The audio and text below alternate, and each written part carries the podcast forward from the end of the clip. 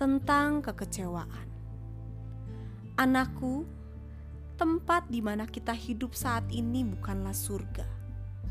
Begitu banyak kekurangan yang terjadi, begitu banyak kekacauan yang terjadi, begitu banyak keburukan yang terjadi, dan begitu banyak kekecewaan yang dapat kita alami.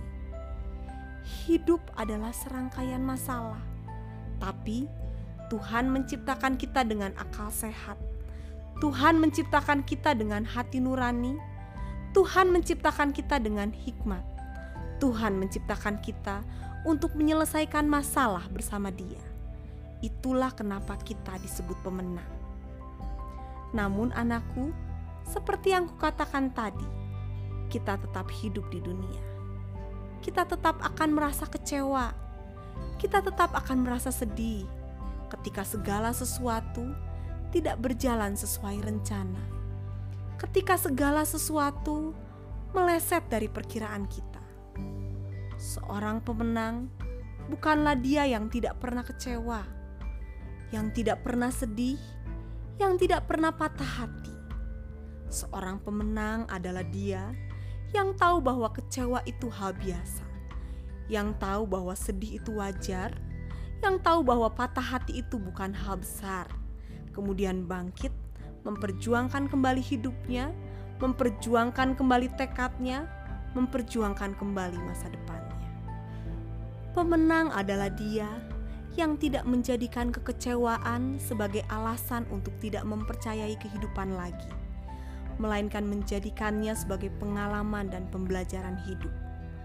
Pemenang adalah dia yang tidak menjadikan kesedihan sebagai alasan untuk berhenti berusaha, melainkan menjadikannya sebagai bagian dari kehidupan, kekayaan perasaan, alasan untuk bersyukur.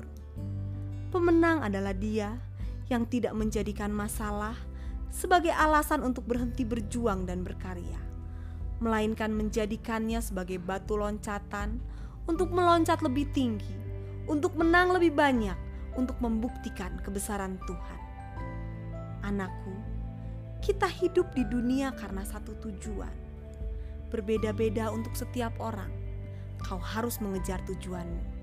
Tujuan yang sudah ditetapkan Tuhan untukmu. Dalam perjalanan meraih tujuan itu, kau akan menemukan banyak rintangan bernama kekecewaan. Seperti ketika kita menemukan jalan yang ditutup, sesaat kita berhenti, kemudian berputar, mencari jalan lain yang terbuka kau akan menemukan banyak perhentian bernama kesedihan, seperti ketika kita menemukan lampu merah di jalan. Sesaat kita harus berhenti, tapi kita tetap harus berjalan lagi. Kau akan menemukan banyak lubang bernama patah hati. Hati-hati, jangan sampai terperosok terlalu dalam. Pegangan erat pada Penciptamu. Anakku, dengarlah nasihatku. Kenali tujuan hidupmu Perjuangkan dengan keras, raihlah dengan sepenuh hati. Itulah pemenang yang sebenarnya.